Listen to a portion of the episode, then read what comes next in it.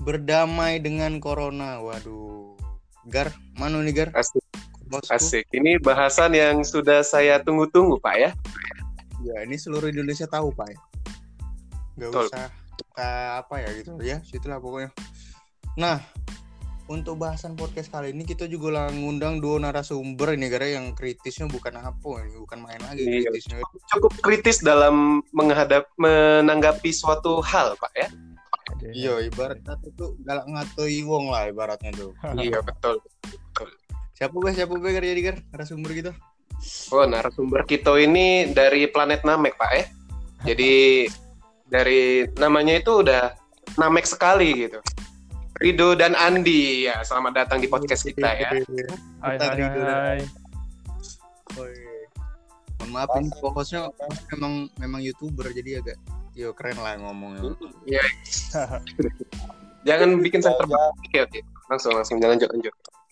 langsung nih jadi Andi Andi yang mana Andi Hai hai bang. Rido Halo. Oke, sip. Nah, jadi sebenarnya kami ngundang kalian di sini nih pengen ngajak ngobrol-ngobrol bahas sih serius dan serius sebenarnya tentang Iya, betul. Oke. yang lagi menyelimuti negara kita nih sebenarnya. Tidak cuma negara kita malahan, tapi seglobal Iya. angkat ini lagi banyak galau sebenarnya kan. Betul. Jadi Iya, Pak. menurut sebenarnya aku pengen tahu dari Andi dulu nih. Menurut kau corona itu cak mana sih nih di mata kau sebenarnya? Hmm. Corona. Ya cak virus lah pak. Mau cak mana Iya. lagi kan? Tapi Tampaknya. Oh, mana Pak? sebagai penghambat pak, penghambat semua aktivitas di dunia ini lah pak. Semuanya ter- tertunda kan. Bi- Apa pun yang dilakukan tuh terasa susah dilakukan saat pandemi ini. Itu aja sih pak.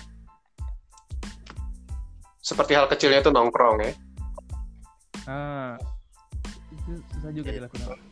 Karena ini susah nongkrong itu ya kalau menurut Andi nih penghambat segala kegiatan di muka bumi ujinya corona. Iya. Hal kecilnya tuh nongkrong, hal kecilnya, hal, hal sepelenya.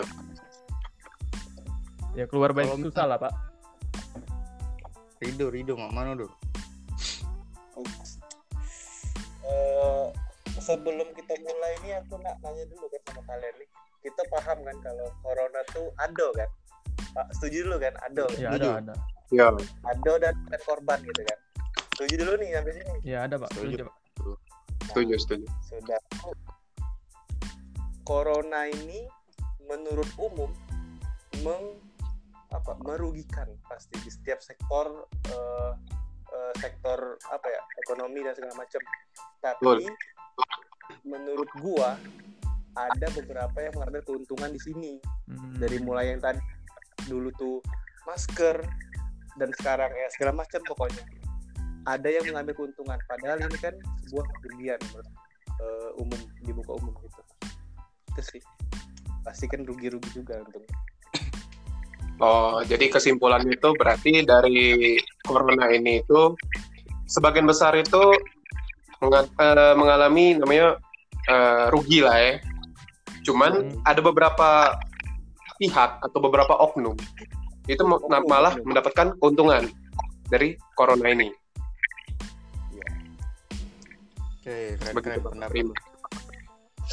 Terima. Eh, Oke, sebelumnya sebelumnya ini out of topic dulu. Rido sama Andi suaranya kalah nih sama Tegar. Mana kira-kira? Nah, Rido sama Andi nya di dominan ke apa Tegarnya kita tahan dikit agak ngejauh misalnya dari Ya. ya. mana? Gimana nih? Segini Pak. Coba Rido sama Andi ngomong dulu, denger. dulu. Hello. Nah, yo pas Andi Rido. Sini Ando, ke sini. Halo Nah, yo, yo, pas pas. Asik, oh di sini berarti Nah, semua inilah ya. Semua ini galau-galau ya. Yo, oh salah aku tadi nggak tahu aku make HP aku Iya, udah apa udah apa. Kayak gitu kabeh ya. Anda ada galak dikit. iya iya iya? Oke, sip. Kita lanjut baik lah ini. Sebenarnya pendapat kalian berdua itu bener-bener galau sebenarnya dan banyak pendapat yang tentang corona ini sebenarnya juga tidak kata yang salah sebenarnya man kita denger dengar atau-atau betul, betul. Cak betul. uji Rida tadi kan sebenarnya corona ini nih banyak apa ya membawa sebenarnya malah petaka ya membawa bencana ke seluruh lapisan masyarakat tapi kalau kita lihat-lihat sebenarnya banyak juga wong yang nyari-nyari apa ya nyari lahan malah justru dari corona ini misalnya wong-wong yang kita sempat dulu awal-awal corona tuh ada yang nimbun masker saya itu eh nimbun Hmm. Hmm. dan lain-lain cak itu nah sebenarnya wong-wong cak itu kan ibarat kata tuh mereka cak justru berusaha mencari celah keuntungan di di dalam pandemik yang justru merugikan semua orang sebenarnya Iya, iya. Ya betul. kalau dari kalian berdua nih sebenarnya kan di beberapa kota besar di Indonesia nih Jakarta, Depok ya dan sekitarnya itu kan kita sudah mengenal yang namanya PSBB nih Hmm. pembatasan sosial Ya. skala besar kan. Yap.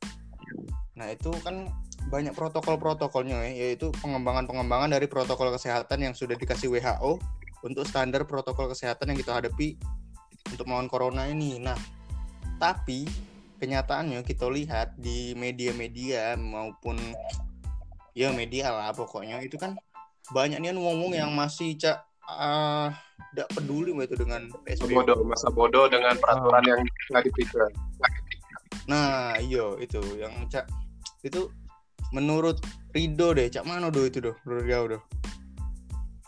Eh, aku ya. Jadi mungkin di awal-awal kan kita panik ya.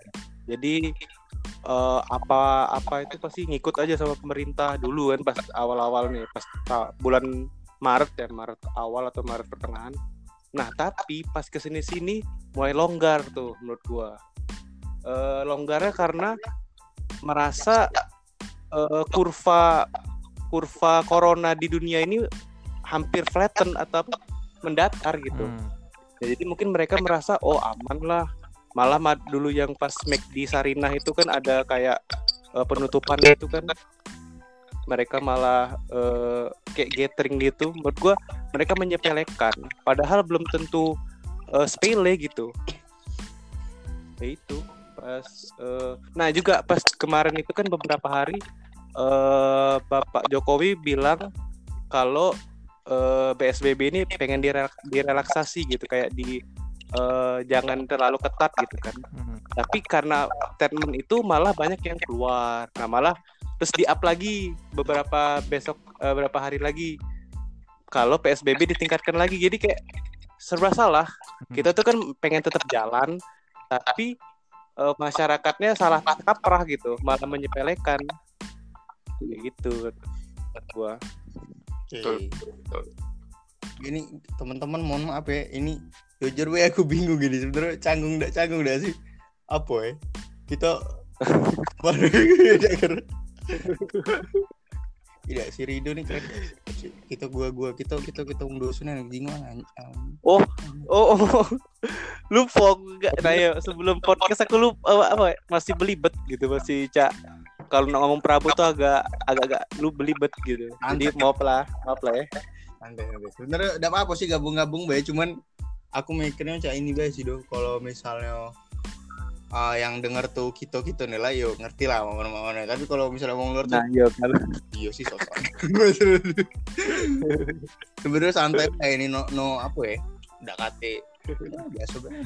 yo dis- disclaimer dulu kan La- lala muda di Prabu lala muda di Prabu jadi agak belibet bahasa Prabu Oh, oh, itu. jadi ini lelamunnya dari Prabu sebenarnya untuk Ya, kamu. jadi tolong netizen yang berpikir kalau sosok Indonesia bukan sosok Indonesia bos, cuman sudah lama tidak di Prabu bos. Iya. jadi Prabu ini Indonesia ya, Bos ya. kan di itu di planet di planet Planet Bekasi Namek pak, planet Namek mereka. Oh, Planet Namek ya Namek. berarti beliau ini yang bukan di bumi gitu yang di Indonesia. Ya Cak, itulah tahu Mana, lah kan mana nih? Andi Tegar tentang barusan ini sama mana nih? Bapak Andi dulu. Bapak Andi ada omongan apa Bapak Andi? menurut saya pak eh semakin semakin hari kan pastinya semakin resah juga pak di rumah kan nah mungkin masa banyak masyarakat tuh yang gerah lah pengen keluar keluar keluyuran melakukan aktivitas segala macam kan tapi ya gimana pak eh kita tuh juga harus eh, ngikuti saran pemerintah untuk tetap di rumah segala macam lah eh itu kan juga bisa mempercepat kita untuk bisa beraktivitas kembali kan? Malahan yang banyak keluar tuh menghambat menghambat kita beraktif lebih cepat untuk melakukan aktivitas sih pak. Itu aja sih. Kalau menurut menurut aku sih sebenarnya kalau uji wong itu banyak wong bodoh kan sebenarnya di dunia ini. Ya tidak bakal namanya hilang namanya wong bodoh itu. Jadi menurut aku sih ya agak ini ya, agak agak agak apa ya? Agak kontroversi sebenarnya omongan aku. itu. Cuman sebenarnya kalau kita benar-benar nanggapi namanya eh, apa ya anjuran pemerintah ya betul kata Andi itu atau kata Rido dia itu mungkin bakal lebih cepat pandemi ini berakhir kalau uangnya tuh kalaupun keluar tapi sesuai aturan pakai masker pakai hand sanitizer dan segala macam cuman banyak uang ini tidak peduli bodoh amat itu kan akunya sehat tapi mereka tidak tahu kalau ada namanya OTG Nah, menurut aku sih itu Oke oke. Nah di sini ya, setelah aku mendengar dari kalian bertiga nih sebenarnya apa ya? Aku tuh seneng lah sama itu. kalian bertiga tuh sebenarnya salah satu orang-orang yang selamat lah. insya Allah alhamdulillah, insya Allah. Dan tanda kutip selamat. Ada yang menarik ya, ada yang menarik lagi itu dari Rido. Nah Rido ini tadi ngomong apa ujinya? Warga Indonesia ini merasa kalau kurva corona di dunia ini lah sudah mulai ini stabil, Flatten. flatten kan. Ah, ya. Nah ini sebenarnya yang jadi masalah juga nih bagi aku ini masalah besar nih kan. Jadi seakan-akan negara-negara lain itu tuh mempunyai eh, ciri kasus yang sama dengan Indonesia mbak itu nah. Cak misalnya mereka lah sudah berhasil mbak itu melawan corona dan kurvanya sudah flat mbak itu kan. Jadi Ah. perharinya lah sudah kate korban, tidak kate eh, kasus positif baru dan Indonesia merasa kita cak itu juga cak itu dan demikian padahal kita semakin hari kita lihat bayi ini kok makin meningkat makin meningkat bayi jumlah Ya positifnya Pak, kemarin aku baru lihat ya Pak, eh, kasusnya itu hampir seribu Pak kemarin. Iya, asli. per hari mencapai mencapai rekor bahkan. Gila. seribu keren keren Itu mungkin gara sebenarnya gara-gara yang ini Pak, kasus yang mall itu mungkin ya. Yang oh ya salah satu mall itu Iya, ya. Mungkin kan. nah iya iya nah mall ini menarik juga nih sebenarnya dilansir dari Tribun ya Tribun News itu Iya, iya. aksi ngeyel mall berujung petaka gara-gara satu kasir itu terbukti positif corona Ah, langsung kocar-kacir lah. Uang keluar. Beneran, udah. mana ya? ini ini cukup Kayaknya ini ya. Wong Indo tuh nak keno dulu baru. Ah, Nak keno dulu baru berpikir. Ngerti Iya, tak? iya. betul betul Keno dulu baru pikir. Kalau ndak keno ya ndak berpikir-pikir. Betul. bukannya mencegah ya tapi keno dulu baru mikir Iya, iya. Nah, Baru tahu diri deh. nah itu itu salah Ya itulah. Mereka tuh berani, berani ini, berani berame-rame, tapi begitu ada yang positif langsung takut. Itu ngapa sih? Memang harus ada bukti dulu positif satu, baru baru kalian takut dengan corona. Mana? Menurut sebenarnya Pak eh yang di apa namanya? Kan banyak kasus kan di Pulau Jawa Pak eh. khususnya kan corona kan banyak Iya, iya. di Pulau Jawa kan. Ah. Sebenarnya mereka tuh tuh Pak lah sebenarnya harusnya lah tahu kan. Di situ tuh paling banyak kan apa nama penyebarannya. Iya. Tapi masih bengeyel. iya. Macam mana lah ya. Iya. Memang bego ya. Ada video yang viral beberapa waktu lalu itu yang mallnya lagi ditutup kan, terus Ah. begitu dibuka pintunya terbujur saya ikan seluang aja. Hmm. Iya, iya, iya. Tahu itu. Iya, iya. Permainan. Apalagi yang sehari nah itu um, reasonsnya udah masuk akal sih kalau menurut aku tuh itu sangat, sangat irasional untuk manusia yang bisa berpikir harusnya. eh. iya Saya Iya. ini katanya McD ini ditutup. Saya dulu pertama kali kuliah itu ngerjain tugasnya di sini. Ih, terus ngapo ya? eh? ya ngapo ya segala tempat tuh mana segala tempat harus ada kenangan cak itu pak cak itu kan kadang manusia ini terlalu melebih-lebihkan suatu barang pak Dia Iya, lebih suka kenangan itu Pak daripada takut dengan corona Pak. Itu pak bener pak Iya. terlalu melebih-lebih Tahu. Ada kepentingan. Ada kepentingan. Biasa biasa. Jadi nggak boleh sepi-sepi bener kan pas close gathering gitu. Nah, betul betul itu Biar marketing hibur. juga jadi mereka tuh ngejar marketingnya iya. juga Biar marketing mengorbankannya? Iya. tapi tetap baik Pak. Kalaupun ada gathering itu tetap terkenal juga McDonald. Sebenarnya eh. Logikanya cak itu bener, Andi bener, logikanya bener. Iya kan? Tidak katik masalah kan dengan McDonald. Walaupun dia nak tutup berapa gerai, ya tetap terkenal. Kenal di Indonesia. Tetap untung. Iya. Oh, bahkan dunia Pak, bukan Indonesia aja kan? Iya betul. Di dunia. Masih ada chicken panas. McDonald gak butuh uang rame-rame mah itu dasar mereka we datang tahu tahu. Iya. Oh, gila sedihnya. Udah ditutup ini kawan. Balik lagi Pak, balik lagi Pak. Sebenarnya itu kebutuhan untuk sosial media Pak. Untuk seka- sekarang itu orang-orang itu lagi zaman zamannya apa pun itu direkam, apa pun dipublikasi. Sepertinya hal-hal kebutuhan Nah, itu. itu. Lemah lah cak kita ini ya. Kita sekarang nah podcast saling jauh-jauhan dari rumah masing-masing kan aman itu kan. Iya betul. Pak. Podcast tuh enak Pak. Seperti omongan tongkrongan. Memanfaatkan waktu, Pak. Nih bro ngomong-ngomong soal tongkrongan nih bro. Katanya ada isu nih bro. Wow. Gatal sekali omongan Betul, saya betul. ini ya. Orang jauh nih. Ayo tegar ya waktu dan tempat dipersilahkan ya Aduh. kepada co-host saya yang paling ganteng ini. Jadi begini Pak ya, begini Pak. Kita itu kan eh, tinggal pasti ya kita nih tinggal di salah satu kota kecil, salah satu kota kecil dengan penuh dengan ceritanya itu. Jadi ada suatu apa ya, suatu kejadian lah ya menurut aku. Jadi kemarin tuh aku lagi iseng buka Instagram. Jadi ada apa yang ngomongnya?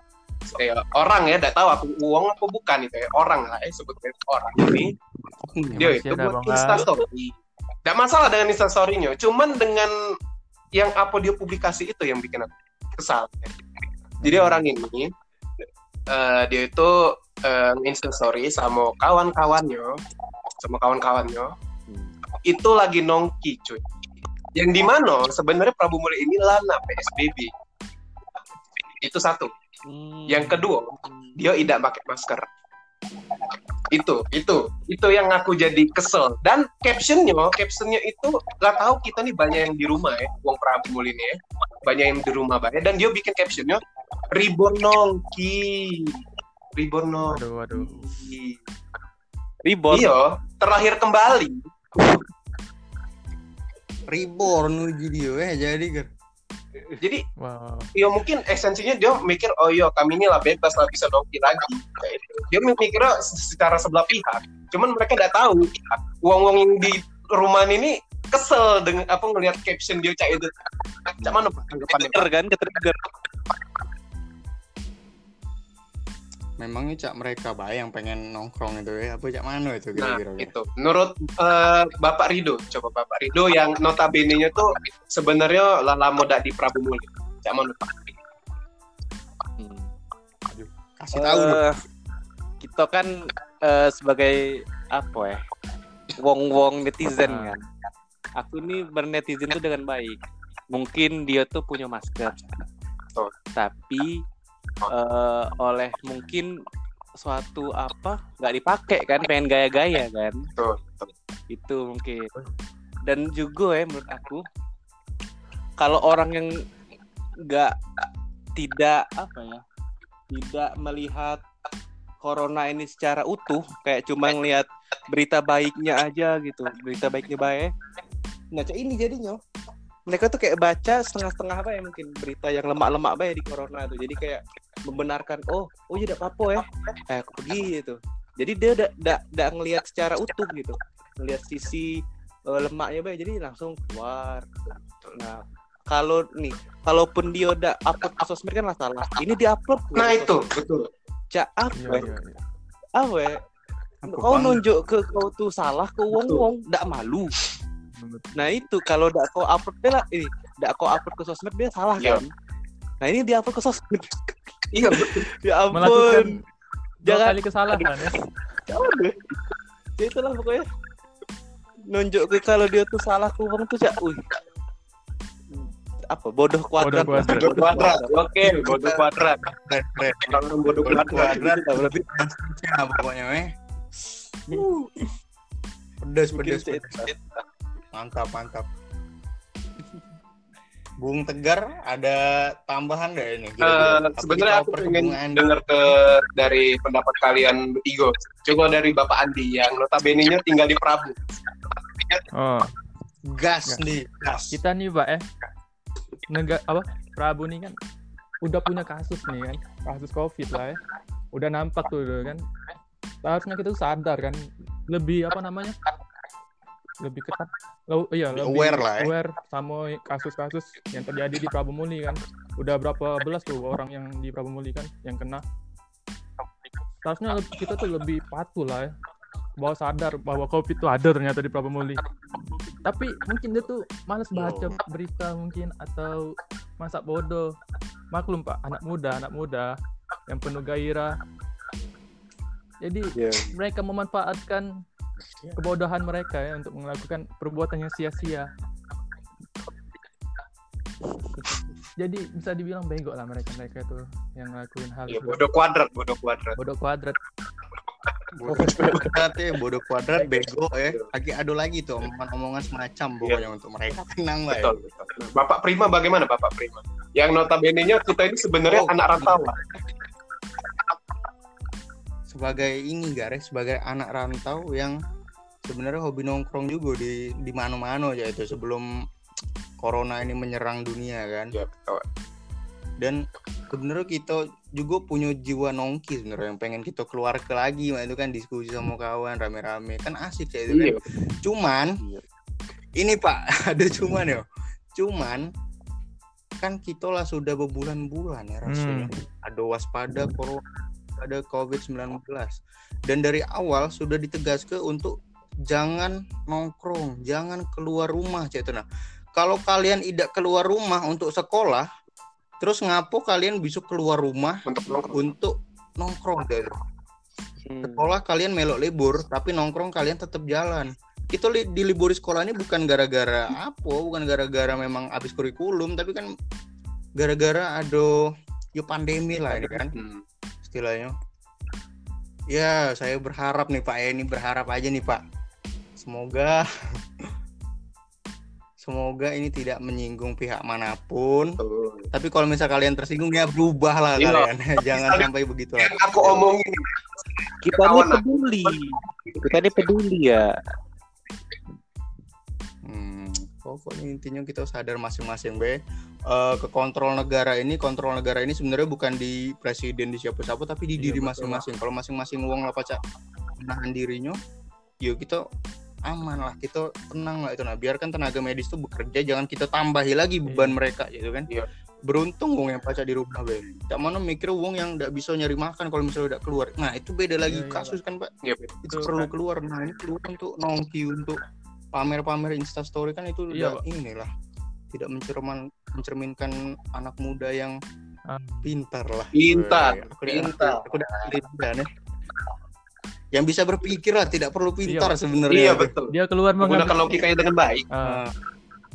Tuh. memangnya melawan pemerintah tuh lah keren sekarang rebel-rebel tidak KTRT pak itu anda bunuh diri itu namanya Pak. bunuh Iya. diri sekarang pak biasa itu be lagi aku kebabel kebablasan ini ngegas ngegas Iya betul. lanjut gar Hmm. Jadi kita lemah ngebahas apa? Cai? Nah, sebenarnya tadi aku bicara tentang sekolah tadi. Nah, aku bilang sekolah kan ada masalah sekolah di masalah da sekolah tadi. Ini sebenarnya ada pengaruh berat nih kan sih. Salah satu pengaruh berat selain ekonomi di gara-gara corona ini yaitu pendidikan. Tidak, kawan-kawan. Sebagai masyarakat terpendidik kan kita terpendidik bahasanya. berpendidikan pak Otak kita yang sedang dididik. Ya, Nah, otak yang sedang belajar sekian belas tahun lagi belajar ini kan kita terhenti dulu nih untuk beberapa bulan ke belakang dan Ah. ke depan pasti.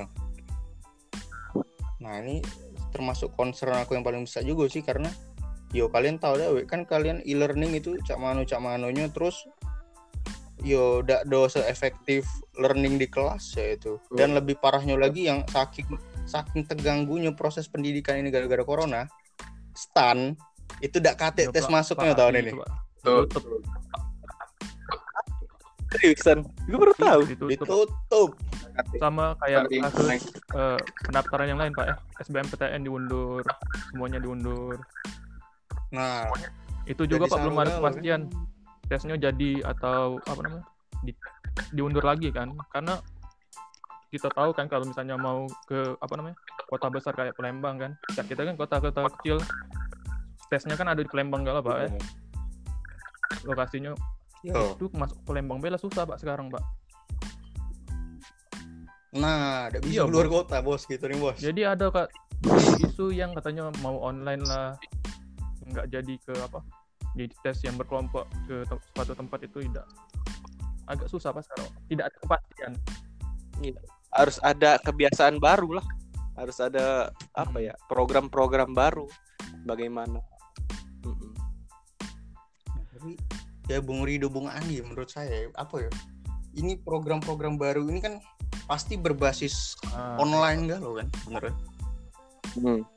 Dan sebenarnya kalau untuk masalah pendaftaran ini, daftar ini, tes, tes ini, tes itu itu dari zaman beberapa tahun silam itulah mulai online. Jadi menurut aku ya bisa lah lancar dikit. Paling agak susah yang bagi wong-wong yang memang susah untuk mendapatkan internet dan lain-lain sih itu.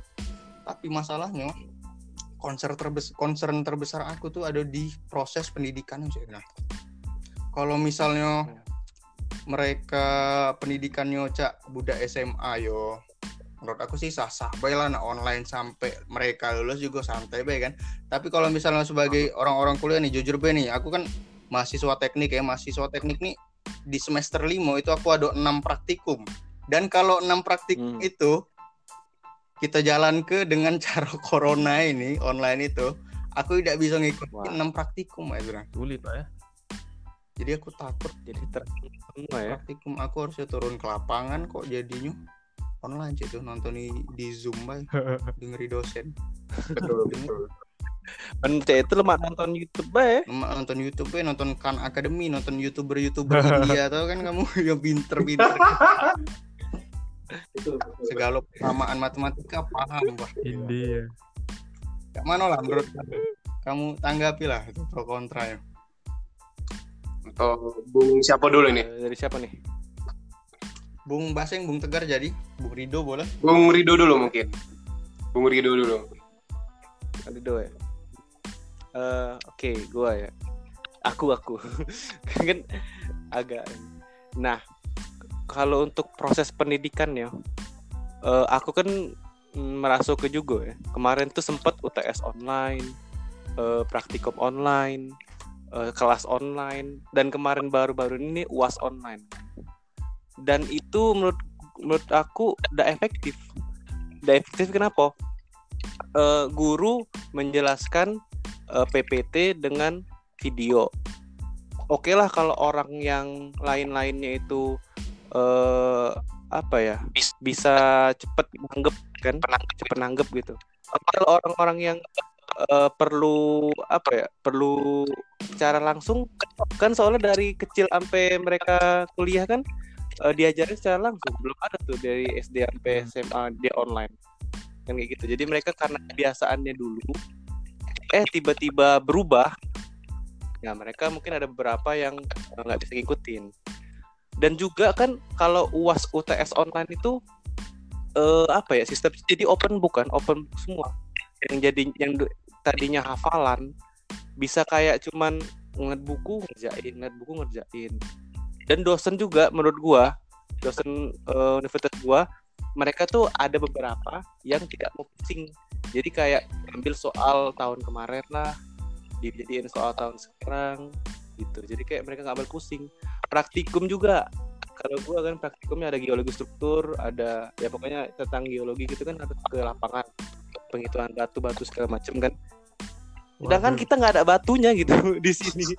Gimana Aduh, aduh. gitu mau melihat secara langsung gitu kan? Kan kan butirnya gitu. Emang ada batu eh, batu-batu metamorf di sini? Nggak ada kan? Gitu. jadi kayak gimana ya cara mensiasatinya gitu? Jadi mungkin ini problem besar bagi institusinya kan? Bagaimana caranya gitu? Dengan cara yang baru tapi mat- materi yang tersampaikan tuh pas gitu itu belum dapet sih gua gimana cara Hmm. mungkin karena masih awal-awal ya siap siap oke oke Yang mana nih Bung Tegar ya kira-kira eh kalau mahasiswa. ya kan kalian berdua nih termasuk mahasiswa teknik ya, yang notabene-nya sebenarnya lebih banyak praktek daripada teori. Dan teori itu harus dijalankan dengan praktek. Dan kalian juga lah masuk semester ya pertengahan lah ya, lah mulai mulai jadi mahasiswa tuh. Kalau aku kan masih mahasiswa baru, dan aku juga lebih ke ekonomi ya. Ya cuma hitung-hitungan sih. Kalau uji uang itu kan cuma hitung-hitungan. Cuman untuk aku dewa itu ngerasanya ya ada efektif sama sekali saya kalau untuk aku mahasiswa yang aku bilang ya, aku tuh mahasiswa bodoh yang hitung beda bener saya itu ya. Ya udah efektif. Ya dosen cak uji Rido tadi. Dosen cuma ngasih video, ngasih tutorial cara ngitung ya. Dan itu apa efektifnya sudah. Ya emang sih dikasih video, cuman kan mahasiswanya tidak bisa nanya secara langsung, tidak bisa kontak langsung. Ya kalau misalnya kita tanya dosennya langsung nanggung, kalau tidak lah kehabisan waktu juga kasian juga mahasiswa lain yang nunggu nak nanyo juga cah itu kan jadi sebenarnya ya benar uji rido itu kita tuh sebenarnya uh, belum tahu cara efektif cak mano cara belajar online ini. Saya dampaknya itu cak mano ya ya terbayang gue kalau misalnya memang corona ini bakal terus-terusan sampai beberapa tahun ke depan. Cak mano sarjana-sarjana dari universitas kualitasnya cak mano cak. Hmm. itu baik sih menurut aku.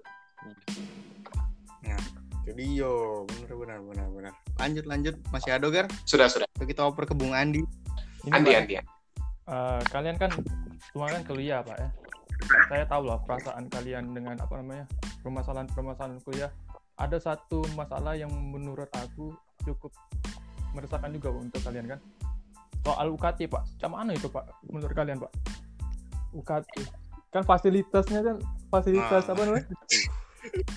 Kuliah kan? Harus digunakan itu pak. Tapi kan bayaran bayaran gimana pak? Soal bayaran. Menurut kalian pak Uh, Andi buat bumbu panas seperti ya di antara kita. Izin menanggapi problem problem baru. Jadi kalau menurut aku nih ya, UKT itu kan sebenarnya aku melihat dari dua sisi sih dari mahasiswanya dan bagi ya. institusinya bagi universitasnya nah kalau misalnya bagi mahasiswa ya jelas kalau misalnya nominal UKT itu tetap sama dengan nominal biasa itu sangat merugikan ngapo karena kita tidak bisa pakai fasilitas di kampus tidak bisa pakai alat-alat praktikum kita tidak bisa mijak ke kaki ah. di kampus be kamu tidak bisa ya itu kan. Dan kita butuh biaya dewe juga untuk beli kuota dan lain-lain sebagainya gitu kan. Jadi untuk masih sebenarnya ini masalah yang sangat merugikan sebenarnya. Kalau UKT itu tetap pada nominal yang seharusnya. Tapi tapi di satu sisi di bagi institusinya bagi tempat belajarnya UKT itu cuma apa ya bukan bukan bukan hanya masalah tentang biaya pendidikan mas sebenarnya UKT itu ada biaya pembangunan ada biaya ngurus apa ada subsidi lalu ada pulau mungkin pajak lah mungkin atau ya institusi institusi besar itu kan pasti punya ya beda lah pajaknya sama yeah. rumah kita yang sepeta dua peta kan itu sebenarnya kalau misalnya kita langsung turun ke baik turun ke nilai UKT itu itu bisa merugikan juga bagi institusinya sih. Nah, kalau misalnya kita cuma memikirkan kesejahteraan ma mahasiswanya baik, sebenarnya agak kurang apa ya bagi aku kurang adil menurut aku tuh agak bukan hmm. adil ya, apa ya cak ya kurang tepat deh kurang sasaran mungkin ada ya cuman sih aku bingung juga subsidi dari pemerintah nih lah di alokasi ke, ke sembako galo terus untuk biaya pendidikan ini bingung juga sebenarnya. Tidak berani ngomong sih cak mana cak mana solusi. Intinya sering kayak itu gempor hmm. tegar tegar jadi batu Oke, dari siapa? Tegar coba. Kalau aku sih tidak pulau, tidak pulau ini, tidak pulau banyak yang nak diomong ke soalnya ya aku kan ya seperti yang kalian tahu aku tuh swasta ya. Swasta tuh kan bayarannya naudzubillah ya sebenarnya. Cuman sebenarnya ya dari pihak dari mahasiswa itu lah minta UKT itu diturunkan untuk pihak institusinya contohnya. Cuman kan belum tahu tuh direalisasikan atau tidak ya. Benar uji prima tuh kita tidak bisa ngomong banyak olehnya kita udah ya udah pulau tahu lah tentang hal-hal itu kan di luar kaprah di luar zona kita ngomongin hal itu kalau aku sih cah itu baik sih Bapak Rido Oh, kalau dari aku, kalau UKT pastinya kan sama Cak Prima eh, bagi mahasiswa memberatkan, tapi bagi eh, institusinya juga bingung. Kalau motong tiba-tiba kan eh, Cak Mano nasib ke depannya kan. Tapi kalau dari kampus aku sendiri, eh, dia itu motong UKT, tapi secara menyeluruh gitu. Jadi nominalnya itu sama, sama kayak eh jadi semua orang tuh dapat potongan segitu gitu. Kami dapat potongan 75.000 satu semester. Berarti kalau kami dua semester tuh ada dapat potongan potongan 150.000 dan 150.000 itu dialokasikan ke kuota gratis gitu. Kalau kami. Jadi kuota gua itu dibayarin sama eh, institusi gua gitu. Institusi aku gitu. Jadi jadi eh, walaupun eh, tapi kan potongan segitu eh kecil kan tapi eh, oke lah buat kuota kan pembelajaran e-learning segala macem gitu di mana notabene kampus institusi gua itu masih satuan kerja jadi duitnya itu eh, di di apa diatur langsung dari pemerintah gitu jadi mereka eh, ke kampus gua itu masih institusi yang di eh, anung apa ya dikelola sama pemerintah jadi belum bisa mengelola duit sendiri jadi kan tiba-tiba motong anggaran itu kan susah tapi mereka bisa apa ya memotong anggaran itu buat kuota gratis buat kami itu eh, agak adil lah lumayan adil Oke. gitu. Ya, Bung. Kalau sebenarnya kalau masalah pendidikan ini aku lebih memilih ya sebenarnya lebih memilih dengan beberapa pertimbangan selain UKT yaitu yang tadi sih yang pertama masalah masalah yo pendidikan yo masalah aku ada banyak praktikum di lapangan dan bla bla bla itu. Jadi aku merasa cak lebih baik aku tuh di pause baik kuliahnya satu semester mah itu nah, kalau perlu. Kalau misalnya corona ini memang semakin parah lebih baik aku kami sejurusan atau se semua jurusan yang banyak praktikumnya itu yang tidak bisa dilakukan online lebih baik aku merasa cak diundur baik semesternya cak itu nah. Daripada Oke, kami jadi lulusan yang tidak bisa apa-apa ya Ezo nah bingung praktikum ini cak mano pas begawe di lapangan bingung kan dulu. Rasanya online baik jenguk video ngapu ini aku udah baca kan? Nah itu kan lah saru pulo kan. Lebih baik diundur sih menurut aku. Kalau misalnya masih berkelanjutan dan makin parah Betul juga sih itu. Mending jadi mahasiswa agak telat daripada jadi mahasiswa yang gagal di kemudian hari kan. iya daripada hitung ngap ngapas lah begawe kan disuruh oh kau coba cak ini kau lulusan kampus ini kan kau ini betul, tidak bisa pak Eh, Mulainya dulu online belajar kan bingung pas megang alat mau mana ini mau mana betul, betul, betul. daripada jadi mahasiswa ini Wow. yang nggak pakai masker Wah, Berat sekali. Bodoh memang. mantap. Aduh, ini keren, keren, keren. Sekali lagi ya, sekali lagi untuk kalian yang mendengar dan ini kami bukan menyinggung kalian, bukan menyinggung, tapi kalau kalian tersinggung ya bagus, Bagus, lah. ya. bagus. Berarti sudah tidak bodoh kuadrat. mau bersampaikan Ya, ini sebuah pencerahan sebenarnya. Ini bukan mengejek-ngejek suatu pihak ya. Walaupun sedikit mengejek sebenarnya ya, Buk Tegar apa Buk Tegar emosi sekali nih saya lihat ini. Emosi. Tapi sebenarnya kami ini Iya kami ini membantu kalian sebenarnya. Daripada kalian ngap-ngap aja kan? Kami sakit kamu sakit kami tidak bisa jingok ya lebih baik kata yang sakit ya baik. Walaupun kalian mungkin merasa kalian bisa apa ya bisa survive dari corona. Oke imun kalian bagus. Tapi kan walaupun Ya, kalian ya. tidak punya gejala ya, tapi kalian bisa Nular. nular ke tetap abis nongkrong kalian balik ke rumah ludah kalian ke mana-mana. Kena anggota keluarga kalian yang imunnya udah sebagus kalian sih tuh Iya, Boom. Jadi masalah itu, Pak. gawat kan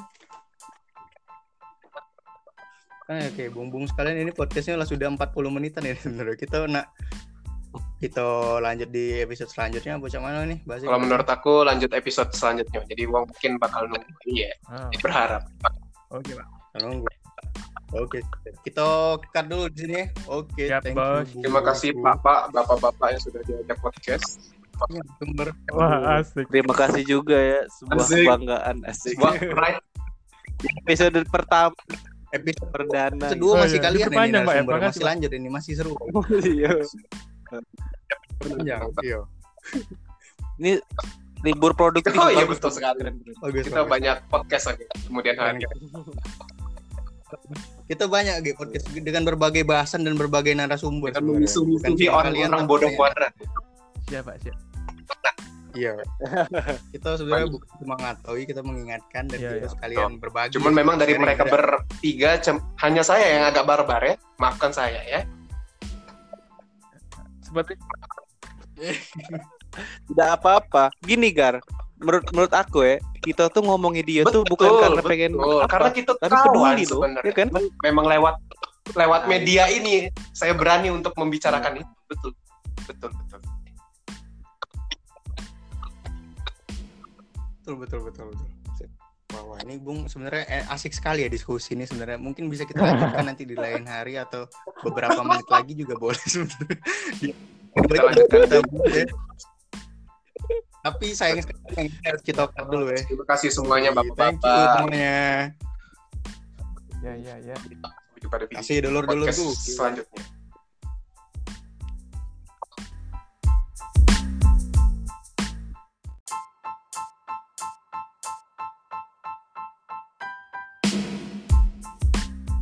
Halo, selamat datang di podcast kita ya, di mana kita bakal memisuhi sesuatu atau hal yang ada di luar sana ya, Mas Bro dan Brosis, apa pun kalian itu, dengan saya, Tegar, dan host utama kita adalah Bapak Prima Saya. ya.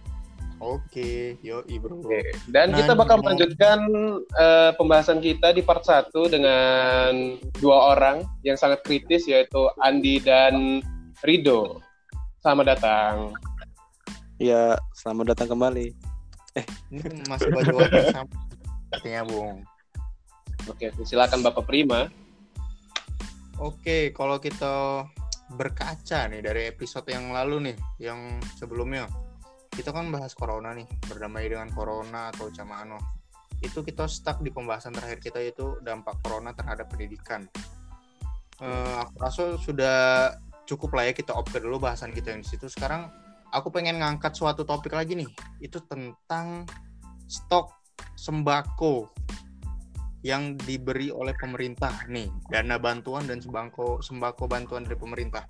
Nah itu kan kalau kita lihat di media di beberapa media sosial dan berita dan sebagainya itu eh, banyak sekali komplain ini komplain dari rakyat-rakyat terutama yang eh, mohon maaf ini ekonominya agak kurang. Terus Hmm. mereka protes katanya bantuan dari pemerintah itu tidak mencukupi. Dan di beberapa kasus juga bahkan ada bantuan itu yang dijanji ke sekian rupiah yang turun ke masyarakat cuma sekian rupiah. Nah itu kan sangat merugikan entah ke mana duit yang tadi itu perginya. Nah sini aku pengen nanya-nanya baik sih sama kalian dari Rido, Andi sama Tegar. Silakan mana tanggapan kalian masalah ini nih Siapa dulu nih? Siapa dulu ya? Caknyo, kau baik dulu nih, kau baik dulu nih. Wah, saya tidak mendengar tadi ya. kalau tidak dengar ya sudah kita ganti jadi Bung Rido dulu saja Bung Rido baik dulu, Bung Rido, Bung Rido. Oke. Aku eh. Nah, kalau masalah sembako kan kita ngeliatnya dari media, TV gitu kan. Kita belum dapat apa ya? eh, belum secara langsung kan. Tapi aku nih kemarin di daerah sini, daerah apa? Daerah aku eh, ada tuh eh, Pak RT-nya mengapa ya? Meng, mengumpulkan data-data KTP, KK dari setiap eh, anggota keluarga di sini gitu. Jadi tiap kakaknya itu dikumpulkan. Ditanya kan ini kenapa gitu kata bapak. Terus ini nih buat eh, pendataan daerah sini, RT sini untuk eh, pendanaan atau bantuan sembako gitu kan. Nah tapi eh, kan dikira kan udah didata semua itu akan dapat semua. Tetapi pas eh, selang beberapa minggu eh, rupanya bantuan yang datang itu tidak sesuai apa yang sudah didata gitu hanya beberapa jadinya or- warga-warga sini tidak mengambil sembako itu eh, apa ya, tidak menerima gitu. Karena kalau ada beberapa hanya yang menerima itu tidak adil kan. Eh, tetapi walaupun seperti itu jalan tengahnya kan udah datang di sembako. Jadi diberikan ke ekonomi yang eh, menurut apa ya ekonomi yang eh, lemah gitu. Dari kacamata dari Pak RT itu dari kami kami juga gitu. dari eh, orang-orang sini juga gitu jadi maksud saya di sini ada bantuan tapi eh, tidak sesuai dengan yang didata gitu ataupun tidak merata gitu itu sih menurut saya Oke, keren keren Oke, keren. Pak. Bung Andi, apakah sudah mendapat pencerahan Bung Andi? Eh, sudah sudah. Saya tahu sudah tahu ini. Jadi gini, Bray. Gue baru dapet apa namanya? Kupon da- kupon dari dari RT barusan nih barusan. Baru siang tadi. Jadi kayaknya Terus? sih untuk di daerah Podang ini kayaknya nih itu dipukul rata sih. Jadi setiap orang itu setiap apa? keluarga itu dapat satu kupon yang untuk ditukarin ke sembako kayak gitu. Ini dipukul rata sih, nggak nggak ada yang apa namanya, yang ekonominya meneng apa, ke bawah. Ekonomi cah itu eh. ya tidak Tapi berdasarkan ekon ekonomi yang sih, ada di daerah kupon. dipukul rata gara-gara apa pakai kupon sih sistemnya. Jadi yang dapat kupon tinggal ditukar ke PRT. Kayak gitu. Itu dengan kuantitas yang sama dan Kuantitasnya ya? kayaknya sama sih, cuman ya Sama. sama dipukul rata. keren keren. Hmm. Bung Oke. Tegar? Kalau aku sih sebenarnya eh, ini ini bukan pengalaman dari masa itu eh, dari tempat tinggal aku tidak, cuman aku dapat cerita dari kawan aku yang tinggalnya itu di salah satu desa ya yang ada di Prabu Bumi. Jadi kalau dia cerita itu sebenarnya hampir sama kejadiannya Ca eh, Bung Rido yang di mana yo itu tuh data-data yang cakak lah segala macam itu tuh dikasih ke, ke kepala daerah di sana ya misalnya itu dikasih didata segala macam memang didata cuman untuk eh, pemerataan dalam pembagian sembako itu tidak merata. Jadi banyak yang kepala keluarga atau keluarganya ini tidak dapat sembako. Padahal sudah didata jadi banyak spekulasi yang ngomong kalau itu tuh bisa baik eh, kepala eh, kepala keluarga. Aku maksudnya? Kepala daerah itu tuh ngasihnya ke keluarga dekat dulu. Maksudnya masih keluarga dia masih dulur dia dikasih dulu. Jadi di uh, utama ke itu keluarga dia dulu.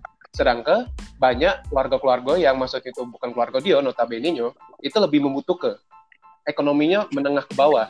Sedangkan dia itu lebih penting ke keluarganya padahal belum tentu itu tuh penting-penting apa penting-penting ini kan saya itu. Makanya jadi darato. Itu sih kalau uh, aku tambahan dari aku. Oh, jadi itu jelasnya itu kasus KKN-nian sih, ya ada sih. Iya. Nepotismenya. Ya betul. Penting Walaupun betul. padahal sebenarnya itu tuh kan sembako. Ya untuk apa lagi nak Ya. di, di korupsi ke? Cuman ya atau dia sih cak itu cerita dia Lebih parah ya. parah Parahnya emang. Kalau aku sih nangkepnya kasus-kasus yang cak kalau sudah kita angkat tadi itu sebenarnya ini kurangnya koordinasi dan kurangnya kesadaran sebenarnya. Iya betul. Koordinasi itu di mana? Nah, koordinasi ini menurut aku kan ya perintah penurunan bantuan ini kan pasti dari pemerintah pusat kan. Nah, dari pemerintah pusat turun ke pemerintah daerah masing-masing. Itu pertamanya ke daerah tingkat satu dulu ke provinsi. Terus dari daerah tingkat satu itu ke daerah tingkat dua ke kota. Nah, dari kota inilah baru dipersempit lagi diperkecil jadi per kecamatan, per kelurahan, RT, dan segala sebagainya. Nah itu kan sudah terlalu apa ya terlalu ribet saya itu kan jalurnya. Maksud aku dari pusat ke sini ke sini ke sini ke sini ke sini jadi terlalu banyak cabang. Banyak. yang awalnya Indonesia ini cuma 33 provinsi 33 cabang menjadi berapa ribu cabang lagi ke bawahnya itu. Nah itu yang menurut aku tuh menyebabkan jadi terlalu banyak koordinasi. Akhirnya koordinasi yang banyak tadi jadi kurang kualitas gitu nah nah selain itu juga kurang kualitas ko- koordinasinya tapi tetap baik sih. Eh, yang paling menghambat itu kesadaran masing-masing ya cak. Yang kasus yang paling apa ya paling kurang ajar sih menurut aku yang uji tegar tadi tuh nah. Itu kan Nah, nepotismenya kepentingan. dia bantuan dapat dari siapa tapi dia ngasihnya ke siapa. Sedangkan Hmm. yang dituju siapa. Tuh. dan itu sangat-sangat tidak manusia manusiawi lah mengajar sekali itu Cuman balik lagi, itu kan kita tidak tahu data lapangan aslinya Cak Mano. Cuman kalau dari sudut pandang Nah. kawan aku yang harusnya nerimo, dia berspekulasi Cak itu. Kata dia sih Cak itu. Nah, betul itu bung.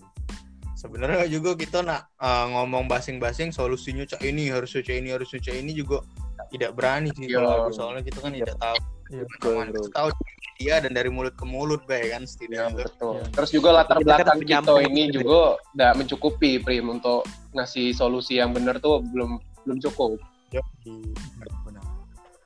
Mana Bung Rido dan Andi ini? Ya, betul setuju setuju setuju. Ada Menurut- dan suara sih eh, kita bersuara di sini biar itu juga teredukasi gitu biar orang-orang tahu gitu kan jadi kan orang-orang Indonesia tuh menurut gua kurang membaca gitu kan.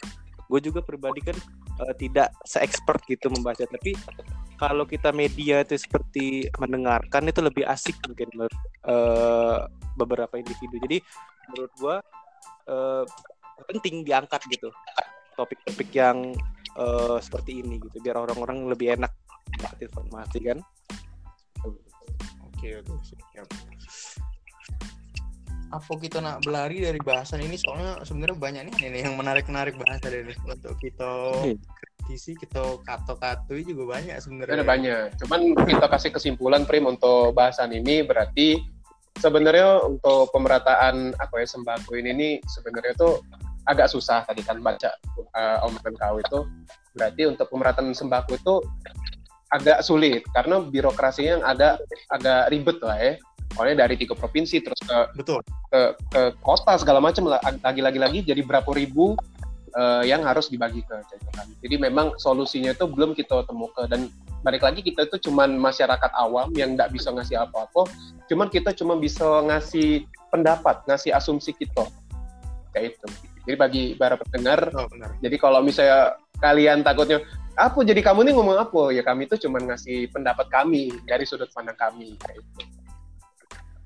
Iya, kami kan cuma concern, kami cuma apa me- meluapkan keresahan Iya. cah itu nah kok cah ini kok cah ini itu biarlah sebagai manusia punya kritis lah rasa ingin tahu berlebih Betul, betul. oke guys eh guys jangan guys lah cak cak Iya, itu cringe, cringe parah kalau ngomong guys, nggak tahu kenapa ya Pak ya. Kalau saya cringe, ya ada YouTube Iya, iya, Pak. di sini nah, ya silakan silakan lanjut. Kita ingin memisukan apa? Ini bro ada bahasan lain lagi nih bro. Bro bro bro. Ya bro. Jadi gimana bro? lah baca juga nih kan. Kalau misalnya eh, beberapa hari yang lalu atau beberapa minggu yang lalu mungkin maybe. Nah itu bandara tuh mulai dibuka lagi cuy. Aduh itu Oke. PSBB mobil B dikritisi oleh polisi. Mobil B tidak boleh tidak boleh duduk sampingan. Harus si kok sopir yang lainnya di belakang Iya. gitu kan. Ya ya ya tapi bandara dibuka lagi itu sama mana sih? Atau mungkin yang ada lengkapnya? Cerita ke dulu dong. Aku juga kurang info sebenarnya tentang isu yang ini. Dari Bung siapa ini? Bung Bung Rido dulu mungkin. mau Rido boleh. Eh, apa nih cerita yang tentang bandar itu ya yang dibuka? Nah mungkin ceritanya itu eh, nggak tahu ya. Maksudnya ad- apa ada kepentingan eh, komersil kita nggak tahu juga. Sehingga eh, pemerintah itu mem- membuat kebijakan eh, pesawat itu apa penerbangan itu dibolehkan lagi. Kita nggak tahu juga kan. Karena eh, mungkin menurut saya kenapa itu diberlakukan di tengah pandemi ini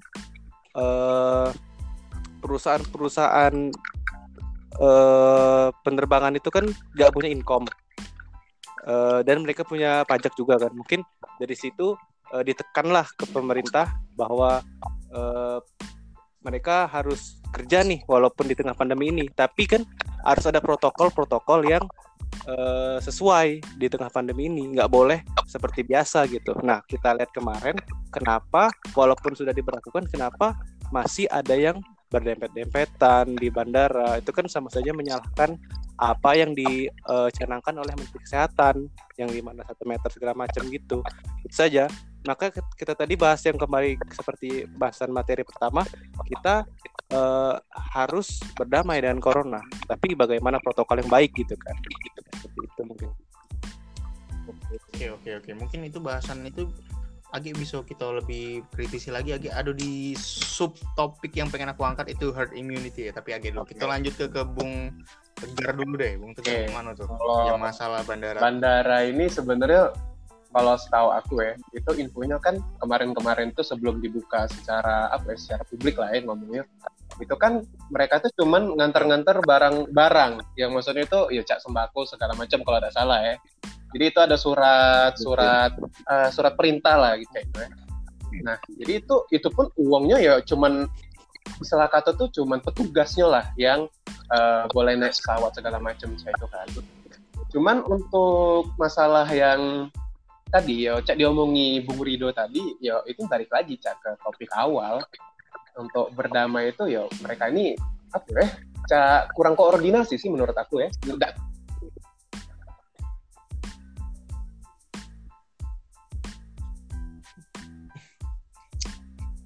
Tegar apakah lost connection ini ya Bung Tegar ini Ya? Sepertinya lost connection.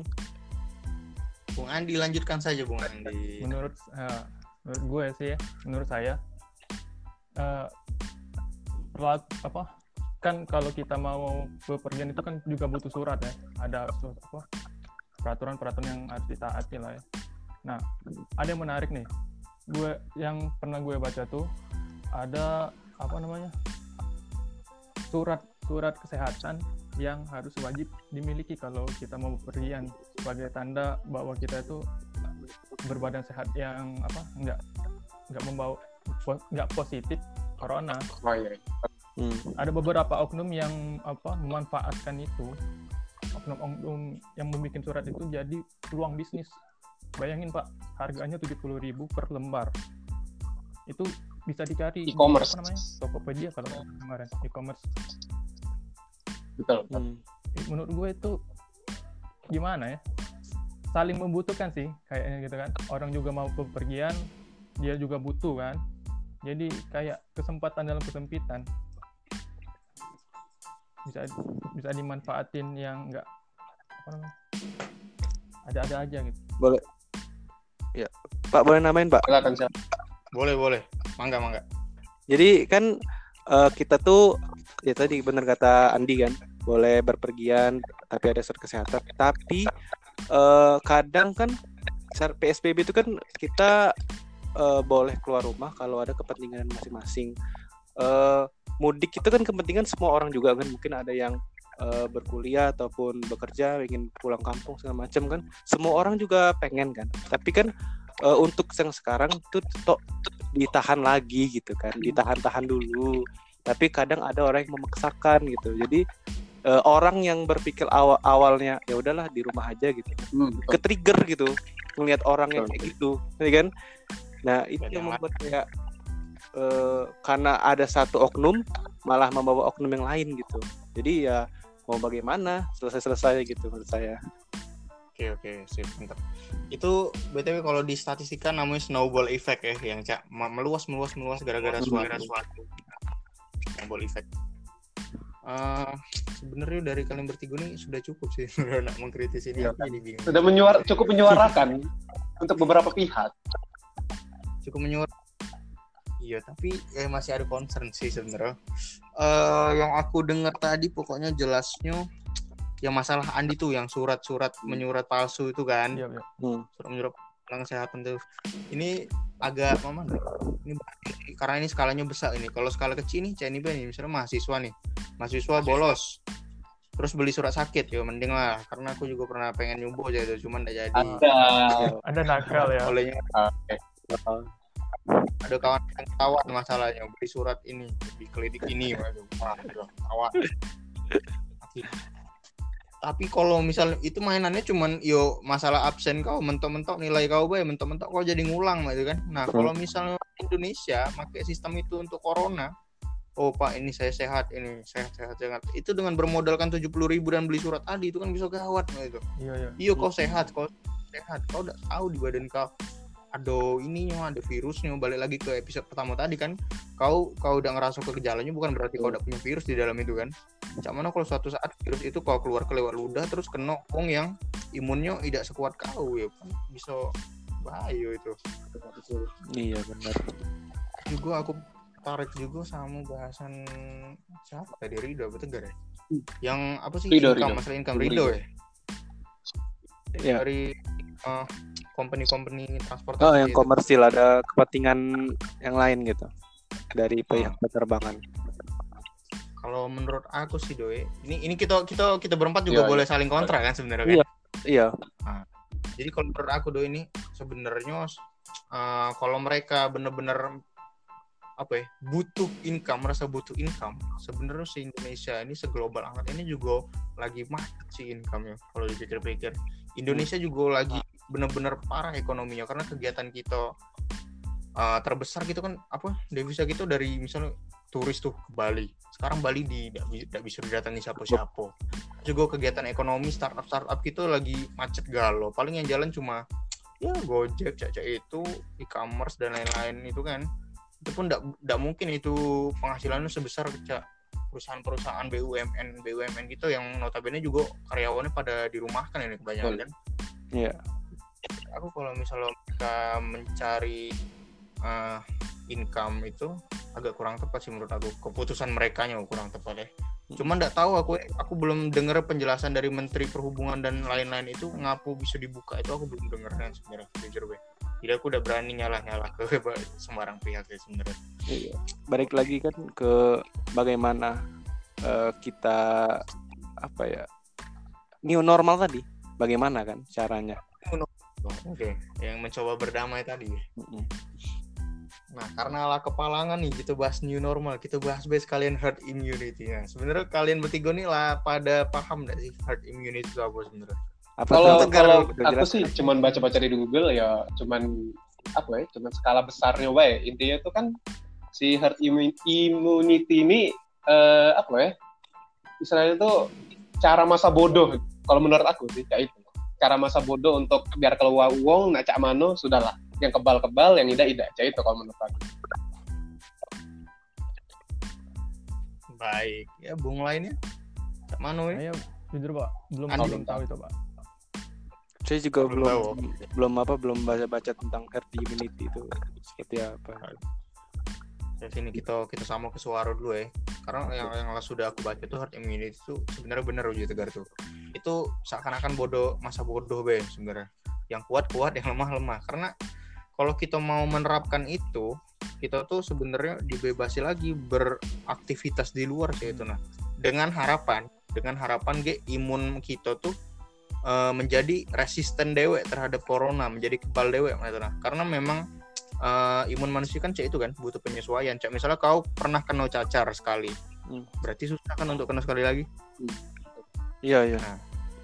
Itulah yang diharapkan kalau misalnya kita pakai sistem ini. Tapi sistem ini itu bakal bakal banyak nian makan korban sih sebenarnya. Tidak perlu tidak perlu kita penelitian lagi, tapi pasti bakal banyak makan korban karena ini nih sama beca.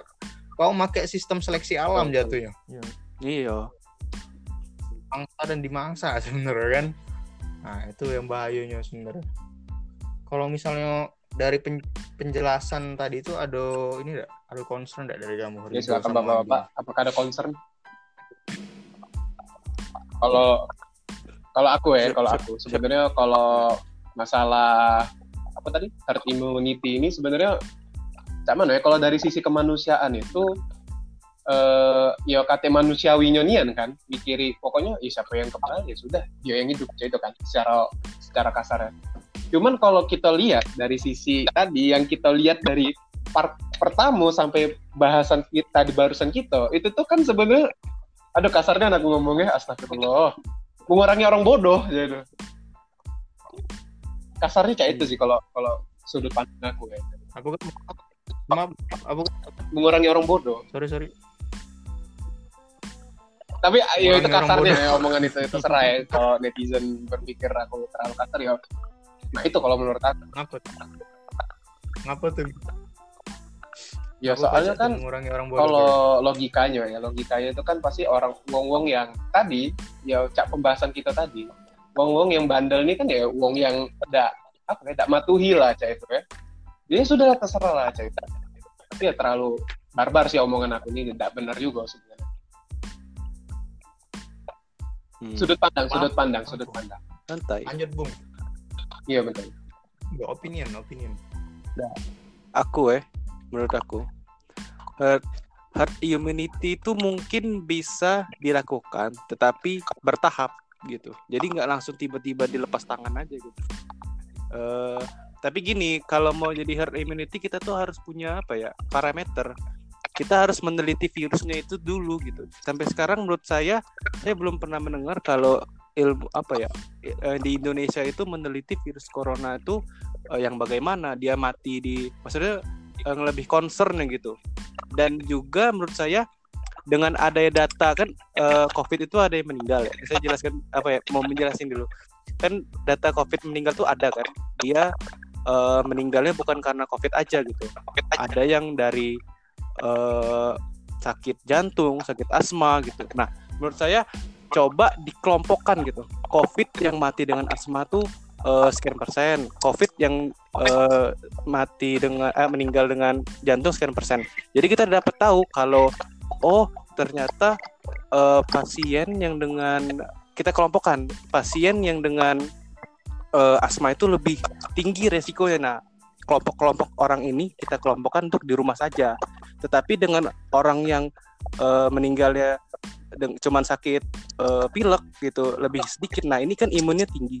Itu boleh bekerja di luar gitu menurut saya. Jadi kayak kita tuh harus punya parameter dulu orang yang seperti ini dengan penyakit bawaan seperti ini bagaimana, orang yang eh, umur sekian ini bagaimana boleh eh, keluar rumah gitu. Jadi kayak punya parameter dulu baru boleh keluar rumah gitu.